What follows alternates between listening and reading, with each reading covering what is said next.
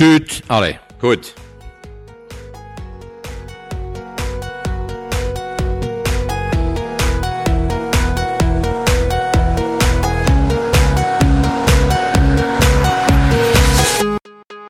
Hey, yo.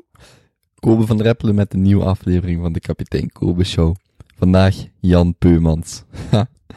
een aantal maanden geleden, want in het interview refereer ik naar, of vraag ik Jan Peumans wat ik hem voor 2016 mag toewensen. Dus een aantal maanden geleden zat ik bij Jan Peumans uh, op bureau. En ik weet nog dat ik s'morgens in het wachtkamertje op Jan Peumans zat te wachten. Voor zij die het wachtkamertje van het Vlaams parlement niet kennen, het is geen kamer, het is een hoekje. En uh, er is daar uitzicht op de deur van de voorzitter. En ik was vrij nerveus, zo kan ik het gevoel het best beschrijven.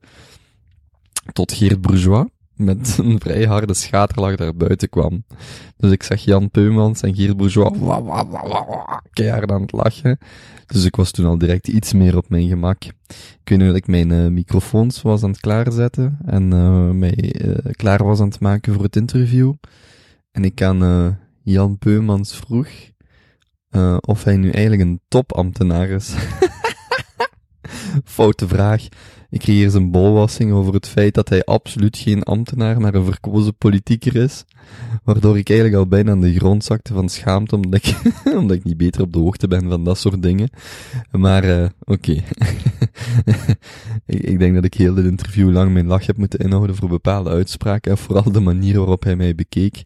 Maar achteraf gezien was het echt een heel leuk interview en uh, vind ik het jammer dat ik uh, niet langer met hem kon, kon praten of een soort van 24 uur met Jan Peumans lijkt mij, mij hilarisch. Goed, de orde van de dag. Jan Peumans is de voorzitter van het Vlaams parlement, is gemeenteraadslid in de stad, gemeente, dorp Riemst. Oei, ik hoop dat hij mij dat niet kwalijk neemt, in Riemst. Um, we spreken over zijn gemiddelde dag, over de zin en onzin van lokaal bestuur, over de dagelijkse besognes als burgemeester van Riemst, over het voorzitter zijn van het parlement, de, de beslissing die hij het liefste zou terugdraaien, die in zijn parlement is genomen, hoe dat hij zijn carrière gemaakt heeft, wie de grootste impact op zijn carrière had, waarom het Nederlands parlement een voorbeeldfunctie heeft, evenals Schotland, over dankbaarheid in de politiek, waarom je al dan niet op de vragen van burgers moet antwoorden, zijn favoriete auteur, Riemst Banneux, zijn wandeling die hij einde van deze maand, eind april, weer gaat proberen te doen, of doen. En veel, veel, veel meer. Ik denk dat de meeste mensen Jan Peumans al kennen. Dat iedereen zijn houding kent, zijn manier van communiceren. En ik kan alleen maar zeggen dat het echt een, uh, ja, een fantastisch leuk interview was om af te nemen. En ik hoop dat dat ook zo doorschijnt in het interview wat uiteindelijk is opgenomen. Ik wens je heel veel plezier, een leuke dag. Check kapiteinkobe.be slash Jan voor alle relevante informatie. Laat een berichtje achter en uh, op, Twitter, op de website, op uh, kapitein Kobe, op Instagram, waar dan ook. En geniet vooral nog heel veel van uw dag, van dit interview en tot binnenkort. Yo! Meneer Pummans, hartelijk dank om tijd voor mij vrij te maken. Voor de mensen die uh, u niet kennen of uh, niet met politiek in contact komen, kan u om te beginnen kort beschrijven wie u bent en hoe uw dagdagelijkse dag eruit ziet of wat uw functie is? Oh, dat is zo simpel niet natuurlijk niet wie, wie, wie ik ben, maar ik ben geboren 6 januari 1951, dus dat wil zeggen dat ik pensioengerechtigde leeftijd heb, maar niet met pensioen ga. Uh, ja, ik heb een, weet dat, ben gehuwd, vier kinderen, drie kleinkinderen, ja, ik heb eigenlijk een heel, uh, ja, een heel, uh, moet ik zeggen, afwisselende loopbaan. Ik ben er vier of vijf keer mijn werk veranderd. Ik ben begonnen bij het vormingswerk Jongvolwassenen Maastricht. Daarna heb ik in een regionaal instituut voor ambulante geestelijke gezondheidszorg gewerkt. Vervolgens ben ik uh, adjunct kabinetchef, nee, eerst adviseur geweest van de minister van Ontwikkelingssamenwerking, dan adjunct kabinetchef van de eerste minister van Openbare Wijk in de Vlaamse regering. Daarna ben ik directeur marketing en strategie geweest uh, tot 2004 bij de Lijn. Trouwens ook medeoprichter van de Lijn vanuit het kabinet toen in de tijd. En dan vanaf 2004 volksvertegenwoordiger geworden. In 2007 fractieleider van de NVA-fractie. In 2009 parlementsvoorzitter. In 2014 opnieuw parlementsvoorzitter. Tot 2019. En dan denk ik dat ik gewoon stop, punt, gedaan. Helemaal niks meer dan.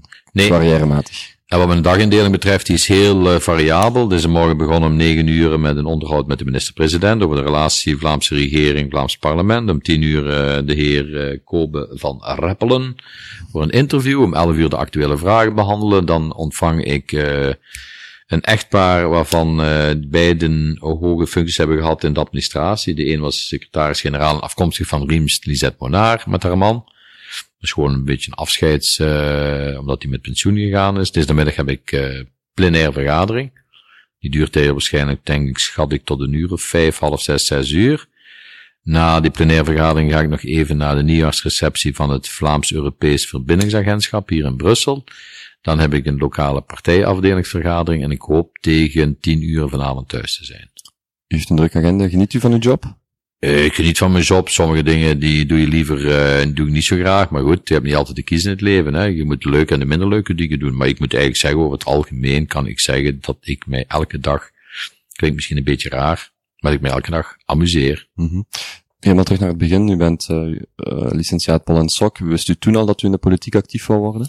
Nee, eigenlijk niet. Maar uh, ik ben gevraagd geworden, denk ik in 1982, om op de lokale lijst te staan van toen een aantal volksunie mensen, want ik kom eigenlijk, ik kom uit de volksunie, ben daarna naar NVA overgestapt, ay, overgestapt, dat was de logische, dat was de logische gang van zaken. En ik ben in 82, heb ik de verkiezingen meegedaan, ik ben naar schepen geworden, ik ben 12 jaar schepen geweest. In Riemst. In Riemst, ja. 12 jaar schepen geweest, 12 jaar uh, burgemeester, nog eens 6 jaar schepen, en nu ben ik een uh, dood eenvoudig, simpel uh, gemeenteraadslid. In Riems en nog altijd dan voorzitter tegelijkertijd van Vlaams In Riems ben ik ja nog altijd, ik woon nog altijd in Riems en ik heb bijna altijd in Riems gewoond. Mm -hmm. Toen u gevraagd werd om in Riems actief te worden, was dat direct een, een, uh, een evidente keuze? Heeft u daar lang bij stilgestaan? Uh, helemaal niet, omdat uh, ik kom uit de volksunie. Die mensen die mij kwamen vragen waren volksunie mensen. Dus wat dat betreft was dat een logische keuze. Mm -hmm. Als u zegt ik kom uit de volksunie, is dan een familie, een gezin waar dat, waar dat mijn het gedachtegoed gekoesterd werd? Ja, mijn vader vooral. En, en ik had een hero, hè, dus een, een, een, een pater, minderbroeder, die ook hevige flammigant was. En het is eigenlijk van daaruit dat je dat natuurlijk, krijgt dat een beetje, ik heb dat niet met de moedermelk meegekregen, maar mijn moeder die uh, hield zich met politiek helemaal niet mee bezig, maar mijn vader was ook politiek niet actief, maar was wel een hele bewuste, wat wij toen noemden, een hele bewuste flammigant. Mm -hmm. Zijn die twee mensen die u net aanhaalt, hebben die ook een groot impact dan gehad op uw carrière, of was dat toch nog iemand anders? Of de grootste impact? Oh, ik denk, er zijn natuurlijk heel veel mensen die impact hebben, maar in eerste instantie natuurlijk, allee, het feit dat ik die politieke carrière gemaakt heb, is van een heel groot stuk wel bepaald, denk ik, door mijn vader. Hè? Een beetje vanuit, uh, ja, zeg maar vanuit heel die, heel de, heel de Vlaamse beweging, maar ja goed, daar moet je de hele voorgeschiedenis voor kennen. Maar uh, ik denk dat er net zo goed, uh, hoe heet dat, uh, onderwijzers zijn geweest. Ja, onderwijzers misschien iets minder, maar in middelbaar onderwijs. Ik heb de kruisheren gestudeerd in Mazeik. En daar waren ook nog al kruisheren bij die het nogal een, ja, en wat ik zou willen noemen, een Vlaamse inslag hadden. Die mm -hmm. natuurlijk ook voor een stuk beïnvloed waren. Alhoewel het heel curieus is dat ik na middelbaar onderwijs eerst naar de Partij van de Arbeid ben gegaan. Almeda heette dat toen, alle macht aan de arbeiders. Maar dan mocht je niet lachen enzovoort. Dat was daar, uh, ja, dat was de serieusigheid zelf. En na zes weken ben ik het eraf getrapt. Dus mm -hmm. ik dacht, dat is niks voor mij. Dus wat dat betreft. En ik ben eigenlijk, eigenlijk moet ik zeggen, na mijn, uh, ik denk nog tijdens, maar ook na mijn uh, periode in Leuven, hadden wij eigenlijk lokaal hadden wij een, uh, een dus je bedoelt milieugroepering. Studies in Leuven bedoelt Mijn studies in ja. Leuven, hè. Mm -hmm. Hadden wij een milieugroepering, uh, Leefmilieu Riemst. En uh, dat was eigenlijk een heel actieve club van een aantal, zeg maar, intellectuelen. Die zich vanuit verschillende invalshoeken samengegooid hadden. En die eigenlijk actie, we hebben actie gevoerd voor het behoud van bijvoorbeeld van het plateau van Kaaster. Dat is een onderdeel van de Sint-Pietersberg. Een zeer waardevol natuurreservaat. We hebben gestreden tegen de A24. Dat was de autosnelweg die van Eindhoven naar Hoei ging lopen. Dwars door Limburg uit. Uh, we hebben gestreden tegen de Noord, uh, Noordwestbaan, of hoe heet het, of de, ja, ik denk dat de Noordoostbaan, ik ben het even kwijt. Mm -hmm. Je hebt Zuidoost en je hebt Noordwest, nee, de Noordwestbaan in uh, Maastricht. Omdat die, koudheid. Omdat die, ja, nachtvluchten enzovoorts, die hebben we ook kunnen tegenhouden. We hebben een, een grote expressweg tegengehouden die van Sint-Truiden via Borglo naar Tongeren en zo naar Maastricht zou lopen. Dus met andere woorden, we hebben wel een aantal dingen toen gedaan. En ik ben eigenlijk, ik, ik kom eigenlijk een beetje uit de milieubeweging, als je het uh, heel strikt neemt. Was dat toen onder de vlag van de Volksunie? of, nee, dat was politiek neutraal natuurlijk. Dat was politiek neutraal, oh, ja. oké. Okay, uh. Moeilijk, gaat niet. nee, maar ik bedoel, want die mensen zijn helemaal uit elkaar gegaan. Eén is naar de, toen nog, de toenmalige CVP gegaan, één is toen naar Agalef gegaan en ik naar de, naar de Volksunie. Mhm. Hoe oud was u toen? Goeie vraag. Ja, hoe oud? Dus tussen de 20 en de 27 geweest, denk ik. Hè? Ja, dus echt nog in het begin, ook, in het begin van uw carrière, in het Ja. begin van uw, eh, Ja, van uw ja, ja, want ik ben beginnen te werken in, toen hoe oud was ik toen? 25 zeker, of 24. Mhm. Ehm,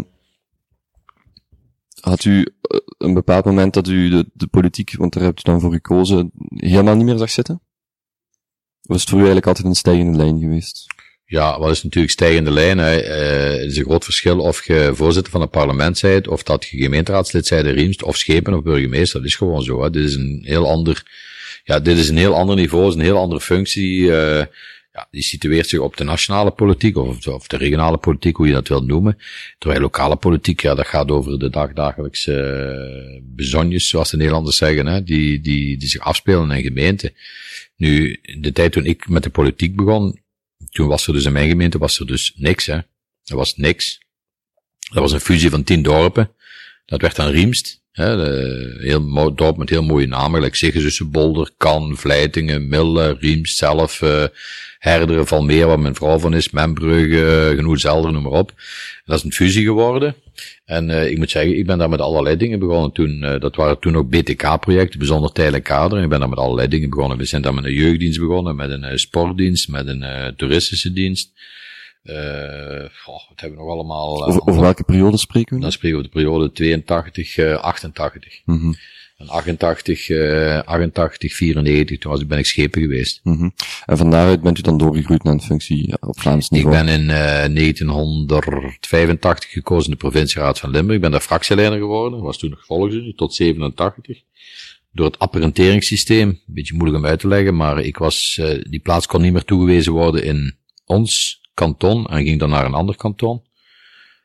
Dat was 87, 91 ben ik dus uit de provincieraad eh, geraakt. En in 91 ben ik terug in de provincieraad gekomen. Daar ben ik gebleven tot 2004. En van daaruit dan de lijn mee Ja. opgestart. Eh, Nee, 2004 zat ik. Nee, nee. eh, de lijn ben ik begonnen in blablabla, 91, 88, 91 kabinet en 91 de lijn. Eigenlijk opgestart, inderdaad. Was directeur marketing tot 2004. Mhm. En in 2004 bent u dan ehm 100% voor de politiek actief geworden. Dan ben ik fulltime politieker geworden, want tevoren was dat een combinatie van een job doen, weliswaar met minder uren, dus inleveren financieel, om een lokaal mandaat kunnen uit te oefenen. Mhm. En heb ik er ook niet veel zien doen tussen ons gezegd en gezwegen. Dat betekent, ja, maar dit is zo. Dat betekende bijvoorbeeld, eh, toen ik directeur was, en ik was burgemeester in Riemst, directeur bij de lijn, drie vijfde directeur betaald, maar wel vijf vijfde werken. Dus eigenlijk zeven Mhm. vijfde werken. mhm. Zeven dagen op zeven. En ik moet zeggen, ik heb dat dus dertig jaar gedaan, lokaal. Mij krijg je daar niet meer gemotiveerd voor. Wat eigenlijk gewoon een beetje logisch is. Is het wel een noodzaak om eerst lokaal ehm politiek van start te gaan al voor, is de als beste voor, basis. ja, voor mensen die hogere ambities hebben, lokaal Eh, beginnen. is de beste basis, want tegenwoordig mensen, ik zie het ook in mijn partij nu, mensen komen naar de partij toe en die zeggen, het Rijk moet een verkiesbare plaats hebben, anders doe ik niet mee enzovoorts. Is niet, eh zo ben ik dus niet in de politiek gekomen. Ik ben helemaal, allee, beneden, is een fout woord, ik ben lokaal begonnen. En ik heb lokaal eigenlijk altijd drie eh, dingen gevolgd. Eén, eh dat is aanwezigheidspolitiek, waar heel veel tijd en energie in kruipt. Twee, dat is beschikbaar zijn voor de bevolking, spreekuur houden. Vroeger heette dat heel oneerbiedig sociaal dienstbetoon. En de derde ding was, zorg dat je je dossiers goed kent, dat je weet waar je het over hebt en niet dat je je nek lullen. Mhm. En dat zijn de drie dingen die ik ook altijd aan andere mensen meegeef. En op die manier heb ik eigenlijk aan politiek gedaan. Ja, want het ene is eigenlijk inderdaad het andere gekomen, maar uh, ik heb eigenlijk altijd vooral ja, lokaal en provinciaal eigenlijk sterk bezig geweest. Uh, provinciaal ben ik uh, 85, 87 zat ik in de provincieraad. Van 91 tot 99 zaten we daar in de meerderheid. Ben ik altijd fractieleider geweest. En ik denk vanaf 99, als ik me niet vergis, nu weet ik het zelf niet, of 2000 wil ik, nee 2000, zo is het, uh, ben ik uh, in de oppositie gekomen. We waren nog met twee, Volksunie, kun je voorstellen. Ja. Maar ik geloof dat ik, oh, ik weet niet hoeveel artikels in Belang Limburg gehaald heb. Omdat ik eigenlijk heel duidelijk heel actief bezig was met, met dossiers. Als je, dat is een gouden raad in de politiek. Uh, niet uit de nek lullen, maar wel uh, zorgen dat je weet waar het over gaat. En dat betekent dat je moet studeren. Mm -hmm. Dat klinkt misschien heel raar, maar... Studeren zelfstudie bedoelt je dan vooral? Ja, ja, zelfstudie, hè? dossiers kennen. Ja, je dossiers ja. kennen, hè. En ja. dossiers kennen, dat, dat veronderstelt voor, van jezelf dat je inderdaad, uh, ja, dat je studeert, punt. Mm -hmm. Simpel is het. Mm -hmm. Um, vindt u zelf een succesvol politieker? ja, dat is natuurlijk, kijk, elke politieker moet een beetje, moet een beetje een zekere ijdelheid hebben, hè. En met ijdelheid bedoel ik, ja, ijdelheid is misschien het verkeerd woord. Je moet natuurlijk altijd zorgen, als je in de politiek zit, ik heb politiekers gekend die heel hard werkten, maar die nooit geen stemmen haalden. Ik heb hard gewerkt en altijd veel stemmen gehaald. Dus ik heb bijvoorbeeld de laatste verkiezingen, nu 2014, op, ik was lijsttrekker in Limburg. Ik was de grootste stemmentrekker in Limburg, 64.000 stemmen. Uh, dat is een, ik weet niet of je dat weet, maar dat is... Dat is, dat is een, een, een, gigantisch aantal. Ja, dat is, ook een, dat is ook een gigantisch aantal, hè, want dat is bijvoorbeeld in Antwerpen staat dubbel, in Antwerpen staat 130.000 stemmen. Hè. Je, mm -hmm. moet, je moet de penetratie bekijken, hè. je moet mm -hmm. kijken hoeveel, ja, dat is, dat geeft natuurlijk een geweldige, allee, dat geeft een geweldige, een geweldige kick, hè. Maar dat heeft natuurlijk ook te maken, denk ik, maar je moet niet over je eigen natuurlijk, het is zoals de voorzitter van mijn partij onlangs in een interview in De Zondag, ja, dus die rotkant die zondags bij de, uh, zei, hè, van, ja, Peumels, dat is toch, die journalist zei, uh, is toch een beetje een, uh, ja, heeft toch een afwijkend profiel in de partij enzovoort, waarop de voorzitter van het parlement, van het parlement zei, de voorzitter van de partij zei, maar heeft wel een grote authenticiteit. En ik denk, je moet eigenlijk gewoon jezelf blijven en je moet niet gemaakt gaan doen. En ik ben ook altijd iemand geweest, uh, ik ben dus een man van mijn woord. Als ik u zeg dat ik dat doe, dat is juist als ik tegen u zeg, ah ja, maar die meneer Van Rappel is onderweg, ja, maar bel hem maar af, je hoeft niet te komen, want ik heb er geen zin in. Dat hoort niet zo. Ik heb trouwens vergeten te kijken op uw, op uw website. Ik zie dat je nu een website hebt. dat is, uh, je moet uw woord nakomen en je moet eigenlijk op elke vraag die de burger u stelt, dat heb ik altijd als een gouden regel gebruikt, altijd antwoorden op een vraag die de burger stelt. Is het negatief, is het negatief, is het positief, is het positief, maar je moet antwoorden. Mm -hmm. Hoe zou je zelf zijn? Ik denk als, uh... als jij drie keer een mail naar mij stuurde en ik antwoordde daar niet op, ja, ik heb eigenlijk heel snel een afspraak gekregen. Hè? Dat is, uh... nee, maar versta je? Ja, inderdaad. En dat, dat, dat, dat vind ik een gouden regel. En dat heb ik eigenlijk altijd, ik ben altijd ook, ik ben altijd correct geweest. Ik ben niet omkoopbaar. Mm -hmm. Ik ben ook niet iemand die u, uh, allee, je moet natuurlijk wel diplomatisch zijn als je in de politiek zit. Je moet no nooit iemand... spijt gehad van die koers? Nee, helemaal Nooit dat niet. u dacht, uh, Nee, tegendeel. ja. Nee, Mhm. ik vond, uh, ik vind, uh, ik blijf er nog altijd, heb je nog altijd. U heeft, u heeft wel nog niet op de vraag geantwoord. Noemt u zelf dan ook succesvol als politieker? Het antwoord daarop is, dat zegt ook iedereen tegen mij, het antwoord daarop is ja eigenlijk. Hè. Allee, ik bedoel, als je op uw, uh, wat ben ik nu, 65 had ik juist gezegd tegen u, hè, dat ben ik dus ook. Maar als je ziet, ik was op mijn, om twee jaar terug, hebben ze nu in 16 zeker, hè. Mhm. We hebben verkiezing gehad in 14, dus dat was drie jaar terug, toen was ik uh, 62, zeg ik juist? Ja? Ja, ja. was ik 62 jaar, ik was lijsttrekker. Ja, de meeste mensen die zeggen dan al van, we stoppen ermee, hè. Terwijl ik, uh, ik heb die lijst getrokken. En ik moet zeggen, dat was heel succesvol. Nu, de partij was ook succesvol, hè. Ik bedoel, je zit ook in die, in Een die, bepaalde golf. je zit in die golf en je gaat Ja. natuurlijk in die golf mee. Je hebt er niet ges- gesurfd mee, hè, op die golf. En daar moet je natuurlijk niet aan ons over doen. Maar ik heb inderdaad, ja. Mhm. Alleen uh, in 2009 hadden ze mij gezegd, de journalisten zeiden dat ik minister ging worden. Maar ik moet zeggen, deze job is veel, uh, is veel leuker. Het voorzitter van het Vlaams parlement is Ja, leuker je als Vlaams eh, minister? Of federaal minister? Het ging dan over Vlaamse maar, maar post. het ging over Vlaamse post, hè. Uh, ik vind dat achteraf gezien ik dat veel leuker. Omdat... Ja, wat eh, maakt de job dan concreet leuker? Eh, één, ik ben, ik ben hier voorzitter van het parlement. Dat wil zeggen dat ik uh, niet voorzitter ben van de meerderheid. Ik ben niet de voorzitter van de regering. Nee, ik ben voorzitter van het parlement. En die volksvertegenwoordigers, of ze nu van Vlaams Belang zijn of Groen, en alles wat er tussenin zit, die worden mij hier op eenzelfde manier behandeld. Punt. En uh, daar heb ik eigenlijk een erezaak van gemaakt. En ik moet zeggen, ik heb wat dat betreft, dat mag ik wel zeggen, dat is eigenlijk voor mij ook een grote genoegdoening. Hè? Dat is dat uh, mensen hier in het parlement, de volksvertegenwoordigers, dat dus ook uh, waarderen. Mhm. Men, allee, ik vind de, de beste dingen die ik gekregen heb, dus ik ben opnieuw voorzitter geworden. Hè? Ik was dat vijf jaar, ben dat nu opnieuw normaal gesproken ook voor vijf jaar. De beste waardering die ik gekregen heb, dat was van de oppositie uit, van de twee fractieleiders. Die zeiden, we zijn blij Jan dat jij terug voorzitter van het parlement wordt. Waarom? Omdat ik op de, ik sta op mijn onafhankelijkheid als voorzitter. Dat uitzicht onder andere bijvoorbeeld mijn kabinet hier. Ik heb vijf medewerkers. Er zijn er drie die geen lidkaart van mijn partij hebben. Ik vraag dat ook niet. Lidkaart van een andere partij of, of maakt niet uit? Ja, dat zou mij, uh, dat zou mij verwonderen, dat denk ik niet, maar dat weet ik niet, interesseert me ook niet. Ik weet niet, misschien is er iemand lid van Groen of van, ik weet niet wat, ja, dan is het, zij zo, hè. Mm -hmm. Als zij hun werk hier goed doen en ze zijn loyaal ten opzichte van mij, en dan is, uh, dan is dat goed, hè. Is het, een, is het een voordeel dat u als, als voorzitter kan loskoppelen van bepaalde partijstandpunten? Ja, dat is ook een nadeel, hè. Dat is dat je je mening zo maar niet kunt zeggen. Als voorzitter dan? Ja, als voorzitter, als voorzitter spreek ik natuurlijk namens het parlement. Hè. Ik spreek als voorzitter namens het parlement. Hè. Ik spreek als voorzitter niet, uh, ik kan natuurlijk geen mening verkondigen. We zeggen, ah, maar mevrouw Lieten, om nu een voorbeeld te nemen, hè, van, van, van Zonhoven, hè, die voor de SPA. Ik zeg, ja, wat die mevrouw Lieten dan zegt, dat trekt hier op niks. Hè. Je moest je schamen of wat dan ook. dat kan ik dus niet maken. Ja, inderdaad. Ja. Dus dat doe ik ook niet. Dat is wat uh, Joris van den Broeke, de fractieleider van de SPA, genoemd heeft. Peumels is uh, ideologisch ontecht. En eigenlijk zijt je, ja, eigenlijk zijt je een, uh, hoe moet dat zeggen, een geslachtsloos iemand. Ja, is, eigenlijk, eigenlijk is dat zo. Een mooi voorbeeld is eigenlijk Schotland. Hè. In Schotland, als je daar voorzitter van het parlement wordt, neemt je ontslag als volksvertegenwoordiger en word je opgevolgd door iemand anders. Dan zit je daar echt ook als voorzitter. Ik gedraag me hier eigenlijk ook zo. Mm -hmm. Bijna altijd, ongeveer. Dus. U zegt, u bent geslachtsloos als voorzitter, maar ik hoop dat u al uw ballen mee naar binnen brengt, want de discussies hier zijn, uh, ja, ja, maar zijn niet altijd is de manier even... waarop je u als voorzitter, uh, allee, dat is natuurlijk, maar ik bedoel, uh, een voorzitter heeft drie functies, hè. Eén, hij vertegenwoordigt het parlement naar buitenuit, het parlement. Dus dat, dat wil zeggen, het, het parlement, als ik bijvoorbeeld gisteren ben ik naar de receptie geweest van het Brussels parlement, dan ben ik daar als voorzitter van het parlement. Ik ben daar niet als NVA. Natuurlijk, mensen zeggen altijd, ja, maar die is van de NVA. Ja, dat is ook zo. Ik ben ook van de NVA. Ja, zou, ik ben niet, hè. Dat is ook zo, maar ik ben niet altijd alles eens met wat de partij zegt. Maar dat is een ander uh, verhaal. Twee, ik zit de plenaire vergadering voor. Ik heb daar de orde. En drie, uh, ik zit het bureau, het uitgebreid bureau voor. Dat is eigenlijk het dagelijks bestuur. En dat is eigenlijk het politiek bestuur van het parlement.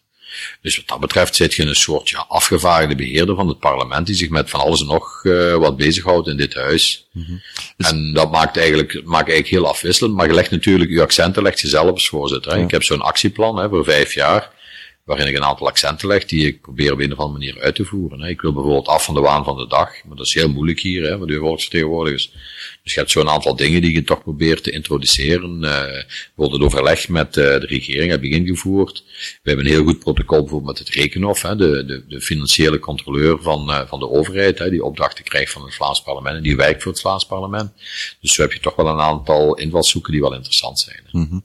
um, wacht, ik even kijken. U zegt net, u wilt af van de waan van de dag. Is het, um, is dat echt een, een, een groot probleem? Dat er zoveel actualiteit dan, of, of, of kleine ja, dingen besproken over worden? kleine dingen des levens is men veel bezig, terwijl ik denk een parlement, uh, alleen het parlement heeft heel duidelijk een controlefunctie, hè. Er heeft een aantal mogelijkheden voor, maar een parlement moet ook zorgen dat ze eigenlijk met de grote lijnen bezig is. En niet met, uh, allee, ik, ik ga een voorbeeld geven, hè. Je kunt hier een vraag stellen over het tewerkstellen van politiek vluchtelingen bij Plopsaland. Maar je kunt ook een vraag stellen aan de minister om te zeggen, hoe zit het in het algemeen met de tewerkstellingspolitiek van politiek vluchtelingen overal in Vlaanderen, hè, omdat een Vlaams, uh, alleen als het een Vlaamse bevoegdheid is. Hè. Uh, dat, vind ik persoonlijk veel interessanter, omdat je dan een algemeen breed maatschappelijk debat krijgt en niet bezig bent over, uh, allee, over het probleem hier om de hoek. Hè. Ja, inderdaad. Dus je moet eigenlijk het abstractieniveau zou een beetje hoger moeten liggen, maar Allee, hoe ga ik dat zeggen? Daar moet je natuurlijk ook de, je moet daar ook de intellectuele, hoe moet ik zeggen, capaciteit voor hebben om dat, om dat te kunnen. Hè. Je moet dan afstand kunnen nemen van de dagdagelijkse dingen en met de grote zaken bezig zijn. Bent u, bent u een goede leraar van uh, intellectuele capaciteit voor u? Voor hoe de zeg je mensen, dat? Ben ik? Bent u een goede leraar, een goede onderwijzer, als ik het zo mag noemen, voor, voor die intellectuele standaard hoger te trekken? Ik voor heb, u, dat, voor de mensen die voor ik u heb dat geprobeerd. Uh, een mooi voorbeeld. Ik ben vijf jaar voorzitter geweest van de Commissie Openbare Wijk in de vorige legislatuur. Gecombineerd met voorzitterschap. Hè. En ik moet zeggen, uh, 70% van de vragen die de leden wilden stellen aan de minister, mondeling dan, hè, die werden gewoon door mij afgewezen. Omdat ik ze gewoon te belachelijk vond of te, te, te, te, te, te eng of wat dan ook. En we waren veel meer bezig met een aantal grotere dossiers. En dat vind ik echt van belang. Ja, ja. Dus dat is een van uw speerpunten. Dat is een van mijn Als u dat mag achterlaten aan de volgende, of, of wanneer Ja, als hij dat zou overnemen en als hij het klaar krijgt, dan wens ik hem proficiat. Mhm. Is er binnen uw Vlaams parlement, voor zolang dat u er zit, uh, een keuze die u direct zou terugdraaien?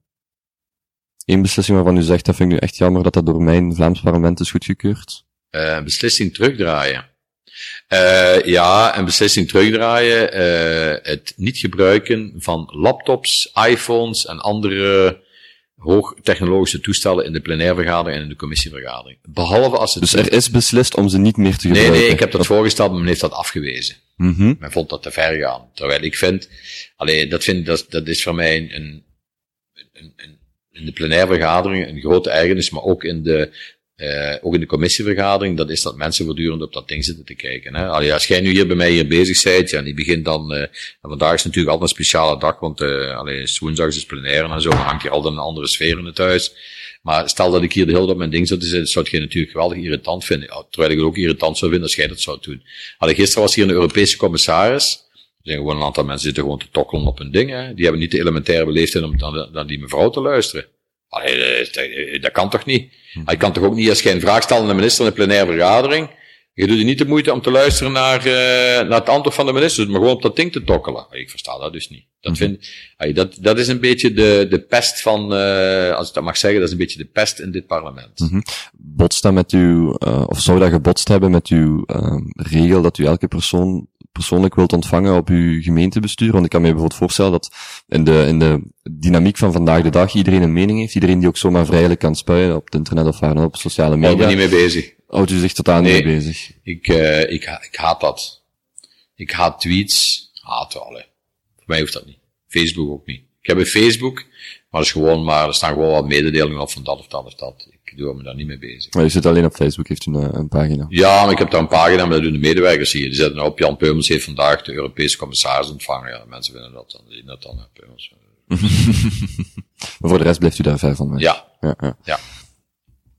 Um, u haalt er net uh, de manier van, van, van Schotland aan, hoe dat daar eigenlijk de autoriteit van een, van een parlement uitgedragen wordt. Is er een bepaald, een bepaald land of een bepaalde cultuur waar wij politiek nog heel veel van kunnen leren? Ik denk dat er meerdere parlementen zijn waar je veel van kunt leren. Nederland bijvoorbeeld. In Nederland zijn de volksvertegenwoordigers in Nederland zijn alleen volksvertegenwoordigers en hebben geen lokaal mandaat. Terwijl aan de andere kant denk ik, de combinatie van alleen burgemeester zijn van Antwerpen en combineren met de dingen is niet uitvoerbaar. Ook niet van Aals of van Hassel of waar dan ook. Dat is niet uitvoerbaar, dat is niet combineerbaar. Maar aan de andere kant krijg je natuurlijk ook wel een stuk input vanuit je lokale bestuur naar ons bestuur toe. Wat hier eigenlijk beslist wordt. Maar in Nederland vind ik wel een mooi voorbeeld van uh, de manier waarop Nederlanders met elkaar uh, debatteren enzovoort. Zijn vol, volgens mij veel minder met de waan van de dag bezig en veel meer bezig met de grote lijnen. Mm -hmm. Wij moeten te veel als politieker, alhoewel ik dat steeds minder doe, maar wij als politieker moeten steeds, alleen moeten veel meer naar de achterban toe vertalen. Terwijl ik dat de afgelopen vijf jaar eigenlijk ook veel minder gedaan heb, maar toch, uh, toch wordt dat, toch wordt dat gevraagd. Als u een raad of, of, of een les is veel gezegd aan, aan jonge politiekers, mensen die nu in het vak stappen, wat zou u meegeven? Uh, eerste twee jaar horen zien en zwijgen. Meedraaien op een kabinet bijvoorbeeld Voor, en vooral ja, ervaring opdoen? Voor, voor is dat altijd nuttig, maar ik denk de eerste, eerste punt is van luister, hoor, kijk en zwijg. Dat je weet toch niet waar het over gaat. En zorg dat je dat, uh, dat je dat u goed eigen maakt. En als je het u allemaal goed eigen gemaakt hebt, dan kun je u manifesteren. Hoe manifesteert iemand zich het best? Ja, nee, maar manifesteren, dan bedoel ik, dan kun je ook met de thema's die je zelf interessant vindt, kun je dan ook tot, tot voor bloei brengen, of hoe moet ik het uitdrukken. En leg je toe op een paar onderwerpen, want de maatschappij is zo complex geworden, dat je wat dat betreft uh, meer dan genoeg werk hebt daarmee. Mm -hmm. En begin ook lokaal? Altijd lokaal hetzelfde. Lokaal hetzelfde. Ik zeg al tegen mensen die pas schepen worden of zo. Ik heb dat ook moeten doen, hè, want je moet eigenlijk uitkijken van als je pas uh, schepen wordt, en je gooit je onmiddellijk in en je gaat allerlei uitspraken doen die je achteraf dan denkt van, houd goede klep man, uh, zorg een keer eens eerst dat je weet waar het over gaat. Sta je? Als je weet waar het over gaat, dan kun je verder fietsen. Ik ben van Genk en ik ken niet zoveel van politiek, maar stel ik wil, er, ik wil schepen worden, ik wil mij bezighouden met beleid, wel dat, nee, dat is een, eigenlijk een foute vraag. Ik wil mij bezighouden met het politiek beleid van Genk. Kan ik ook zomaar uh, in een andere stad lokaal actief worden? Ik heb daar geen idee van bijvoorbeeld. Waarom niet? Dat gaat. Je zult bij een partij moeten aansluiten, één, en dan, uh, ja, beginnen van onderaf aan. Hè. Ik ben ook zo begonnen. Ik ben ook, maar ik moet wel zeggen, toen ik lokaal begon, hadden wij tevoren, hadden we zes jaar die leefmilieuorganisatie. En toen hielden wij ons eigenlijk ook wel met politieke dossiers van het toenmalige scheepcollege bezig, want Die sproeide alles plat, uh, herbicide, uh, noem maar op, houtwanden afkappen en zo van dat soort dingen. Daar ageerden wij tegen natuurlijk, hè. maar dat was een hele foute politiek. En toen ik geschepen werd in 2082 werd het helemaal omgedraaid. Als u nu kan teruggaan, zou u zelf de raad meegeven, uw 25-jarige zelf? De? Zou u zelf de raad meegeven, de 25-jarige Jan Peumans? Als ik 25 jaar zou zijn. Als u nu terug kon gaan in die tijd, dat u 25 Ja, toen was ik 32 toen ik begon. Uh, ja, toen u 25 was, effectief. Zou u dan iets uzelf influisteren en anders doen? Uh, ik denk, als je 25 bent, dan, uh, en je hebt dan één of twee kinderen, dan is uw zorg op dat ogenblik is van uh, zo vlug mogelijk job te vinden, dat er brood op de plank moest komen. Dat was uw concrete... Ja, dat was mijn uitdaging. uitdaging ik moest wel, hè. En zo ben ik in Maastricht terechtgekomen, en Maastricht in Sittard, hè. En eigenlijk van de een en het ander. Maar de man die eigenlijk uh, mijn carrière voor een heel stuk bepaald heeft, dat is Jacques Gabriels geweest van Bree. De vroegere burgemeester, volksvertegenwoordiger, minister. Die man die heeft mij, uh, en ik heb daar nog altijd waardering voor, dat is de man die mij toen in de tijd uh, één naar het kabinet gehaald heeft. Die was toen partijvoorzitter. Uh, en twee, die, ja, die heeft mij wat dat betreft, die heeft die mij, die heeft mij echt zeer goed geholpen. En hoe kwam u bij hem terecht? Omdat het een partijgenoot van mij was. Ja, dat heeft, ja, dat heeft een andere dingen. Ik ben in, wacht even, hè. Dat heb ik ook nog gedaan, maar dat was dan achter de schermen. Ik ben medewerker geweest van Jacques Gabriels voor zijn heel parlementair werk. Ik heb duizenden schriftelijke vragen gesteld. Ik heb interpellaties gemaakt. Ik heb wetsvoorstellen gemaakt. Allemaal voor Gabriels. En ik heb dat, sorry, ik heb de eerste vier jaar dat voor niks gedaan. Voor niks, helemaal voor niks. En daar heb ik dan lichte vergoeding voor gekregen. Dat was de moeite niet. Maar ik heb dat gedaan van 77 tot 88. Oh, dat is nog elf jaar lang. Ja, dat u daar een maar uh, ervaring hebt opgedaan. nu uh, Riemst was, deed ik dat dus achter de schermen. Hè. Dat kwam er niet, kwam niet meer naar buiten uit. En die man, moet ik zeggen, die heeft mij, uh, die heeft mij het beste geholpen eigenlijk. Want het is hij geweest. Uh, ik, zat twee jaar, ik was twee jaar fractieleider in de provincieraad, hè, 85, 87. En toen zei iedereen, nu gaat Peumels naar de Kamer, hè, de Kamer van Volksvertegenwoordigers. Maar dat is zo niet gegaan. Ik heb een plaats moeten afstaan eigenlijk aan Frida Brepoels, als je die kent, die nu burgemeester van Bilzen is. En uh, ik heb er ook nooit geen dankbaarheid voor gehad, maar dat is een ander verhaal. Maar politiek bestaat dankbaarheid heel weinig, dat is gewoon zo. Maar dan moet je ook niet, uh, moet je ook niet in je knikker zetten van te zeggen van, hey, ik ga daar voor de dankbaarheid van de, van de mensheid, forget it, hè. Dat is een gouden raad die ik, uh, alhoewel ik moet zeggen, de mensen zijn tegen mij nog altijd heel, alleen mensen zijn nog altijd tegen mij nog altijd heel open, heel vriendelijk en zo. Uh, ik ben maar gewoon gemeenteraadslid, ik ben burgemeester geweest, zo, je kent dat dan, hè. Dat is een heel andere positie. Maar uh, in 87 was ik normaal naar het parlement gegaan. Ja, ik was dan natuurlijk zwaar teleurgesteld. En toen heb ik in 88 heeft Gabriels gezorgd dat ik uh, adjunct-kabinetchef geworden ben op het kabinet van Johan Sauwes van Bilze. Kent je ook niet? Kende je Peumels voordat je naar hier kwam? Ik kende Peumels. Ah, ja, Maar u, vertelt, maar u vertelt natuurlijk over veel dingen toen u nog niet geboren was. Dat is één ding. En Ja, dat is juist. Ja, ja, ik vergeet dat. Jij zit 24 of 23 of 2. Ja, ja, dat is juist. Cool. Maar ik moet wel zeggen dat onze, onze gemeenschappelijke vriend Reginald Vossen ook vertelde over uh, meneer Gabriels. En uh, ja, oké, okay, sorry, ik kon je niet onderbreken. Nee, maar dus, uh, en toen heb ik, uh, toen heeft hij gezorgd dat ik, eerst heb ik op het kabinet gezeten van de minister van Ontwikkelingssamenwerking. Maar die man, die kunnen we beter vergeten. Dat was een zeker André Geens. Maar dus, uh, goed, bladzijde moet omdraaien. En daar ben ik in, op, wacht, op, is het nu 8 oktober 1988 of 18 oktober 1988, hè? Niet 1888, want dat bestond ik niet. 1988. Toen ben ik adjunct-kabinetchef geworden bij, uh, bij Sauwes. En eigenlijk heeft Gabriels ervoor gezorgd, want Sauwes die gunde mij dat niet. Dat is politieke uh, Mhm. dingen, hè. Maar goed, dat is, uh, en daar heb ik dus keihard gewerkt. En ik ben dus in 91 ben ik dan directeur geworden van de lijn. Die ik zelf mee opgericht heb toen, want ik heb heel die, die besprekingen, hè, want dat was met de verschillende kabinetten enzovoort. En in 91 is die, 21 maart 91 is die lijn begonnen. Maar tegelijkertijd was ik in 91 was ik ook nog altijd uh, burgemeester hè, en schepen enzovoort. Hè. Dat heb ik altijd gecombineerd. Hè. Wat heeft u voornamelijk geleerd van uh, meneer Gabriels? Uh, als u op je tenen trapt en het is niet juist, moet je altijd terug, niet terugtrappen, moet je, je moet je niet laten doen wat dat betreft. Mm -hmm. En, heel sterk, aanwezigheidspolitiek, dienstbetoon, is een vies woord tegenwoordig, maar sociaal dienstbetoon. Je moet niks proberen te sjoemelen voor de mensen en zo, want dat is ook zo, hè. De burger, die spuut dan op de politiek, maar ze komen wel naar de politieker toe om, uh, Ja, heb je nooit gedaan. en dossierkennis dan. En dossierkennis. Ja. En die drie dingen, die had Gabriel ook. Ja, ja, dus die heeft u Nee. vooral van hem eh, opgepikt en, en Dat gemaakt. voor mij wat dat betreft een heel belangrijke leermeester. Ehm, welk middelbaar vak zou u verplichten? Geschiedenis. Geschiedenis? Ja. Geschiedenis. Meer geschiedenis? Of is dus geschiedenis als vak wat wij vandaag de dag... Ja, dat weet ik niet. Ik ben al zo lang met middelbaar onderwijs af, dus eh, moet je mij dus niet vragen, dat weet ik eigenlijk niet.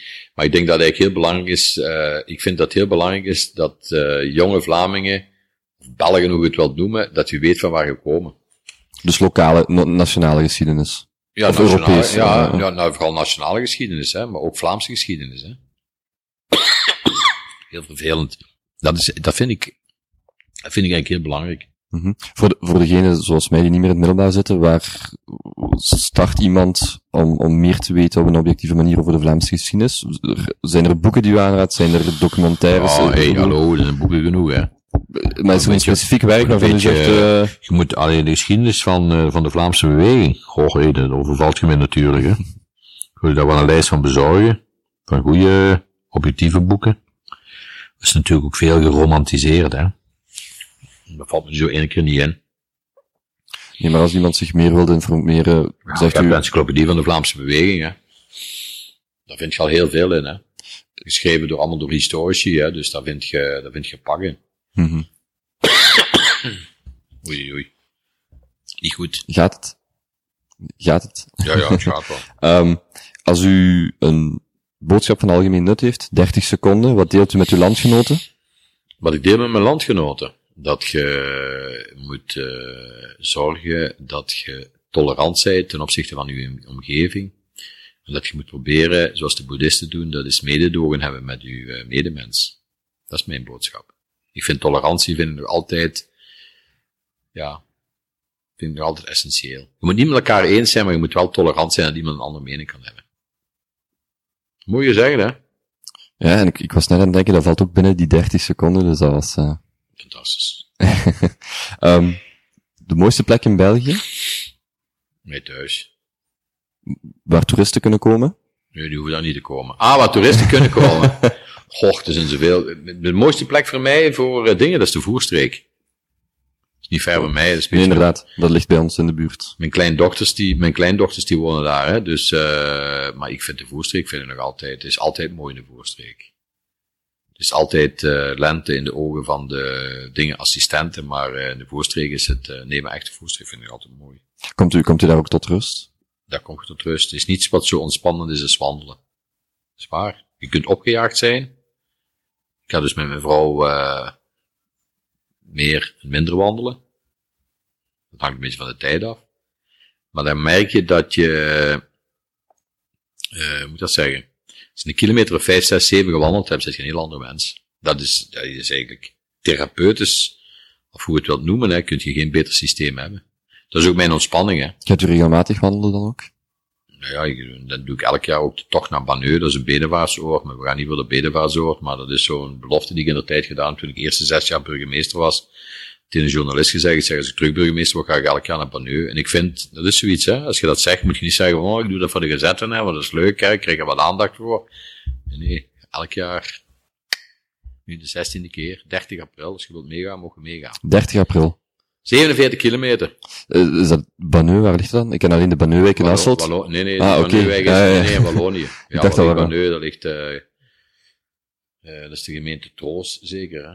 47 kilometer, zegt u. En waar start u dan? Bij ons, eh In Riemst. 30 wel april. 100 man mee. Ah, oké. En u wandelt in één stuk of is het met stoppauzes? Plas- en koffiepauzes. Het is niks zo goed als koffie, hè, als je wandelt. Ja? Koffie, dat is echt, ja, dat is heel stimulerend. Dat is echt Ehm is koffie ook uw favoriete drank dan? minder. Sportdrank? Nee. En doet u behalve wandelen nog iets anders van sport? Eh, elke morgen een half uur op de rondtrainer fietsen. Goed, hè.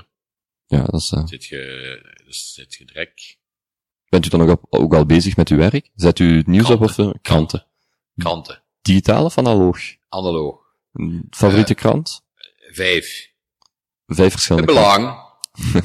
Wees eerst het belang, dan de morgen, want die, blijven, die twee blijven thuis. Dan de kwaliteit, de zogenaamde kwaliteitskranten standaard. Dan eh, de tijd en Le Soir. Maar ik lees die allemaal niet, want eh ik bedoel, deze morgen heb ik geen tijd gehad in de auto, omdat ik moest een paar voorbereidende stukken lezen. Eh dan heb ik daar de tijd niet voor, maar ik, heb elke dag vijf kranten. Nog altijd papieren kranten. Dus bijvoorbeeld zaterdagsmorgens kopen is bij mij een ceremonie. Tijd heb zaterdagsmorgens, dan zet ik mij ontbijten eerst rustig. Dan zet ik me in de tafel en dan begin ik heel die kranten door te nemen en ik neem daar stukken uit die ik weggooi. Sportbladzijden bijvoorbeeld, tjoep, die gaan zo de vuilbak, eh, de papierbak in, sorry. Die, die lees ik niet. En uh, een aantal andere flauwe dingen, die gooi ik dan ook weg. En dan, uh, weet je wel, zo in de loop van zaterdag en zondag, lees je nou een keer een stuk, nog eens een stuk. Ik lees dat allemaal niet, hè. Hm. Moet ik weten wat je leest, hè. Maar ik ben wel, uh, ik hou wel van een krant, ik vind dat wel, uh, maar als Sto je... Stoort u de, de waan van de dag in een krant niet op Ja, dagelijks basis? Maar wat je ook hebt, is van wat je maandags in de standaard leest, lees je stindags in de morgen. hè. Die schrijven elkaar af, hè. of die ja, geven dan een beetje andere accent, en dan denk ik van, ja, heb ik al gezien. Mhm. U, u rekende daarnet de morgen niet bij de kwaliteitskrant? Jawel, de morgen en, ah, eh, de morgen en de tijd en, En de en de standaard. maar om nu echt te zeggen, echte kwaliteitskranten. Ik las dus een morgenartikel over die 120 km per uur. Daar staat dan de woordvoerder in van het Dat Vlaamse ging over mobiliteit. Ja, over mobiliteit, Ah, oké. autosnelwegen. En dan zie ik daar, er stonden twee fouten in het artikel. Dat ik denk, dat is slordigheid van de journalist. Eigenlijk Mhm. kan dat dus niet, maar ja, goed. U geeft net uw, uw ochtendroutine op een zaterdag aan. Hoe ziet een typisch weekend er voor u uit? Eh, afgelopen weekend super rustig. Zaterdag voormiddag heb ik de buurman, dus komen niet wens, heeft twee uur bij mij gezeten. Dan zijn we s'namiddags, wat hebben we s'namiddags gedaan? Zaterdag namiddag. Ja, ik, Het was- ik, het weet was- het niet. Nee, nee, natuurlijk weet jij dat niet. eh het zou niet goed zijn als je dat zou weten. Hè? Ah, je niet goed, ik bedoel. Ik denk dat wij naar eh, dingen geweest zijn, zeker, hè? Ja, ja, we zijn zaterdag namiddag zijn we naar, eh naar Voer geweest, naar de kleindochters. En s'avonds was ik thuis. En zondag eh, denk ik dat ik met mijn vrouw ben willen gaan wandelen. was eh, rot weer. En we zijn een ijsje gaan eten in Vizé. En voor de rest mijn vergaderingen voorbereid voor de week. Werk je ook in het weekend? Zondagsavonds, ja. Ja, ja. Ja, als je wilt, kijk, je kunt ook zeggen van ik ga achterover liggen en ik kijk dat allemaal niet na en dan uh, denk ik, dat is mijn stijl niet. Mhm. Ik vind ook dat je, als je een functie hebt, de verantwoordelijkheid hebt, moet je die verantwoordelijkheid, die functie ook opnemen. Men is wat dat betreft, soms vind ik veel te oppervlakkig, daar hou ik niet van. Over die verantwoordelijkheid gesproken, gelijk u in het begin van het interview zegt, uh, u heeft eigenlijk de leeftijd waarop de meeste van uw collega's en leeftijdsgenoten op pensioen gaan. Ik denk dat ze allemaal met pensioen zijn. Ik Ja, vindt u, is, is dat voor u een ideologische uitdaging of gewoon doet u het zo graag? doet het gewoon graag, hè. Ja. En als je je goed voelt en je doet het graag, hè, en vooral, je- je voelt je goed. En je hebt natuurlijk, ah, je moet ook niet een ozel doen, hè. Dit is een, eh je weet, ik ben de eerste burger van Vlaanderen, hè, dat weet je, hè. Protocolair, hè. Dat is ook van de andere kant, eh, allee, ik maak allerlei dingen mee die je als gewone burger toch niet meemaakt, en die ik dus wel meemaak, hè. Dat maakt het de moeite waard? Ja, dat maakt ook de moeite waard, hè. Allee, ik bedoel, allee, plenaire vergadering voorzitten en zo, dat is het kolfje naar mijn hand. Hè. Ik doe dat, eh, ik krijg ook heel veel reacties of van mensen die zeggen van, Peumans, je doet dat goed. Mhm. dat, dat, wat ook heel fijn is. Maar gelijk nu bijvoorbeeld morgen, morgen vanmiddag ben ik dan wel thuis. Dus is van alles weggevallen. Morgenmiddag ga ik naar uh, Elsenborn. Morgenavond heb ik, uh, ik heb morgen namiddag commissie mobiliteit, daar ga ik niet naartoe, want het zijn gewoon uh, vragen die daar gesteld worden. Morgenavond ga ik naar het nieuwjaarsinvitito van uh, Voka Limburg. Normaal heb ik donderdagavond altijd om 17 uur voorbereiding regering, met de ministers van de NVA. Dat is een informeel, ik bedoel, dat is geen officieel uh, ding. Vrijdag heb ik bob, bob, afspraak met iemand die met een aantal problemen zit. Dan fietsen we door naar Brussel, dan heb ik hier een paar afspraken. S'avonds is nieuwjaarsreceptie van NVA Limburg in uh, Hoeselt, daar spreek ik dan. Pas om half tien, dus ik sta om negen uur ben, is het lang goed. Uh, en zondag heb ik eigenlijk niks. Uh, zaterdag heb ik partijbestuur en partijraad, heb ik afgezegd, ga ik niet naartoe. Te saai. en zondag is nieuwjaarsreceptie voor de inwoners van Riems, daar ga ik misschien naartoe. Maar het is eigenlijk heel, uh, allee, het is eigenlijk, er zijn natuurlijk een aantal vaste dingen die erin zitten, maar van de andere kant is het ook heel, uh, heel afwisselend. Mm -hmm. Bent u een gelukkig man? Ik ben een heel gelukkig mens. Mag hè? Ja, ik hoop Ik heb, dat het mag. ik heb natuurlijk ook, eh, ik heb natuurlijk ook geen, eh, hoe moet ik dat zeggen, ik heb natuurlijk ook geen materiële zorgen. Hè. Ik weet, de voorzitter van het parlement is zeer Bedoelt u materieel of financieel? Materieel niet, financieel niet. eh, ik bedoel, eh, ja goed, ik heb een huis, ik heb een goede vrouw, nog altijd dezelfde vrouw. Al, ik ken die al 46, 46, dit jaar 47 jaar. Dus geen 47 jaar getrouwd. Ik heb vier jaar verloving gehad. Hè.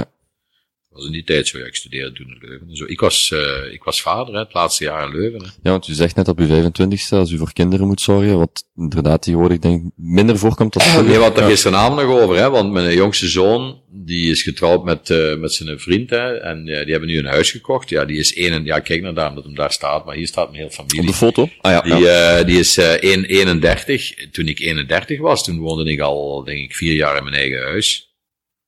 Zelf eh, in elkaar gebokst. Ja, zelf niet. Ik had, ik had natuurlijk eh metselaars, maar eh, ik bedoel, ik heb dat helemaal zelf handlanger gespeeld. Hè. Dus echt Mhm. peren afgedraaid. Maar ja, dan zit je nog jong eigenlijk, hè. Nog heel veel energie, hè. Natuurlijk, als je ouder wordt, moet je niet ontkennen, dan gaat je ook een aantal dingen gaat je ook relativeren. Hè. Je, je gaat alles ook, gaat ook alles op een andere manier bekijken en zo. Hè. Dat is gewoon zo. Hè. Vindt u het mooi om ouder te worden? Maar ja, als ik gezond mag blijven, als ik zoals mijn vader en moeder, en mijn moeder is bijna 100 geworden, mijn vader bijna 90, dan heb ik nog wat te gaan, hè. Ja, En dat- eh waar ik mij in verneukel, dat is eh binnenkort, omdat mijn jongste zoon, die woont, die gaat nu naar Zuid-Afrika, maar die hebben een eigen huis gekocht. Een van die kamers die zij nu bezetten, die ga ik dus mijn eh helemaal van boven tot onder boekenrekken maken. Ik ben dus een geweldige boekenmaniak, hè. Mhm. Ik koop ook nog regelmatig boeken, ik ben eigenlijk een beetje gestoord, hè. Dat is, als ik, in de, ik durf geen boekhandel binnen te gaan, maar dan heb ik het zitten. maar goed, eh maar eh bijvoorbeeld boeken interesseert mij. Ik studeer nog altijd heel graag. Ik ben nog altijd heel nieuwsgierig. Ik leer nog elke dag bij. Mhm.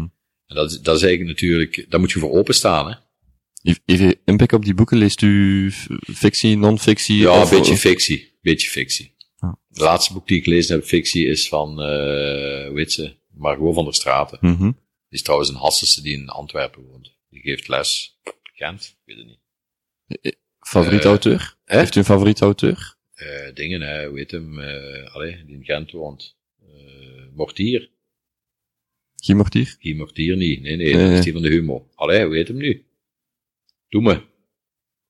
Allee, eh, eh, eh, wat het laatste boek is over Jeff Geraerts, dan heeft hij, eh, ik heb er een stuk of drie bij mij staan. Maar ik lees heel weinig fictie, Vooral non-fictie. non-fictie. Ja. Ik ben iemand die... En vooral Vlaamse of, of Nederlandstalige literatuur? Eh, wat bedoel je met Nederlandstalige? Eh, Uh, bedoel je fictie? Eh, nee, in de boeken die u leest, is dat voornamelijk in het Nederlands ook? Of geschreven door Nederlanders of Belgen? Vooral Nederlands en Frans. Hè. Begin niet met Engels en zo, want dan word ik doodziek. Hè. Kijk, mijn Engels is Duits, Ah, oké. Duits, dat geht. Français, aucun probleem. Maar English, gisteren waren hier 17 studenten van New York. Ik heb daar een uiteenzetting gegeven. Ja, ik ze snapten. ja, ik vind de woorden niet, hè, omdat ja, je bent niet gewoon met dat Engels te spreken. Ja. Meneer Peumans, wil- Laatste vraag. Ja, ik wil uw tijd respecteren. Ehm, ik ga even kijken. Ehm, Je kunt wel vlot interviewen, jij, hè? Proficiat, hè? Vindt u het goed? Ah ja, je bent iemand die, eh, je hebt altijd eh, niks te ui, niks te dinges, eh ja, Dat is, zeg. dat is natuurlijk een mooi compliment van iemand die Nee, nee, dus zo, ik, ervaring trouwens, ik steek daar, eh, ik, allee, ik doe dat eigenlijk ook wel veel met studenten enzovoorts, als die dat vragen. Eh sommige politiekers die trekken daar een neus voor op. Ik vind dat dus fout, hè, want je kunt ook een stuk van die boodschappen uitdragen, hè, daardoor. En ik hoor dan zo mensen die zeggen, ah tja, we komen toch bij de voorzitter van het Vlaams parlement. Terwijl ik van de andere kant denk, eh, ja, waarom niet, hè? Ah, bijvoorbeeld, dat is ook nog zoiets. Eh hier kwam dus vroeger niemand binnen, hè. Bij de vorige voorzitter. Dat was Marleen van der Poort en daarvoor was dat de Batselier, dat was hier, eh, dat was heilig hier. Hè. Voor zo'n parlement komt je normaal niet binnen, personeel ook niet en zo. Ik heb hier regelmatig, als ik vijf minuten tijd heb, en dan zijn hier zo een klasje van de zesde lager en die zeggen, oh, we willen van de voorzitter zien. Dat is geweldig, hè. Ja, komen dan hier naar binnen. En die stel ik dan allerlei vragen en zo. En die kennen mij, die kijken dan het boek van eh Kabouter eh Wesley, hè. Het grote kabouter Wesley. Het grote kabouter Wesley, Ja, ja. dat heb ik gekregen toen ik 60 jaar geworden ben. Maar je kan die met een boek, met een boekrek niet zetten, hè. Dat is gewoon een boek, dat is leuk dat je die hebt, maar je kunt die nergens kwijt, hè. Hij is groot, hè? Dat is hè. Een A3. Als eh, ongeveer, kan- Ja, en je zit natuurlijk, ja, dat heb je natuurlijk ook. Je zit overal eh, zeer bekend, hè. Dat is, eh sta je. allerlaatste vraag dan. Wat mag Zeg je ja, maar ik ken dat. Eh, Nee, want ik ben geen, ik ben geen rasjournalist, dus uh, ik ben daar veel te slecht voor om me aan de gang te houden. Maar um, de allerlaatste vraag dan, wat mag ik u toewensen dit jaar? Uh, goede gezondheid. Ook de komende jaren dat? Ook de komende jaren. Ik denk, allee, als ik in mijn omgeving altijd kijk, dan denk ik van goede gezondheid is, uh, dat is het begin en het einde van alles. Hè. Mm -hmm. Goed. En Goed. dan nog heel veel succes 30 Dankjewel. april. Met 30 april met de 47 kilometer mm. naar Banu. Zou wel loslopen, hè? Hopelijk. Ik heb vorig jaar een beetje even eh, twee kilometer om. Ik, had, ik was in de meniscus geopereerd. Ik voelde pijn in mijn knieën. En ik denk, ik ga niet forceren. Dan kom ik deze week in tegen en zei, ja, ik heb ze wel niet helemaal uitgelopen.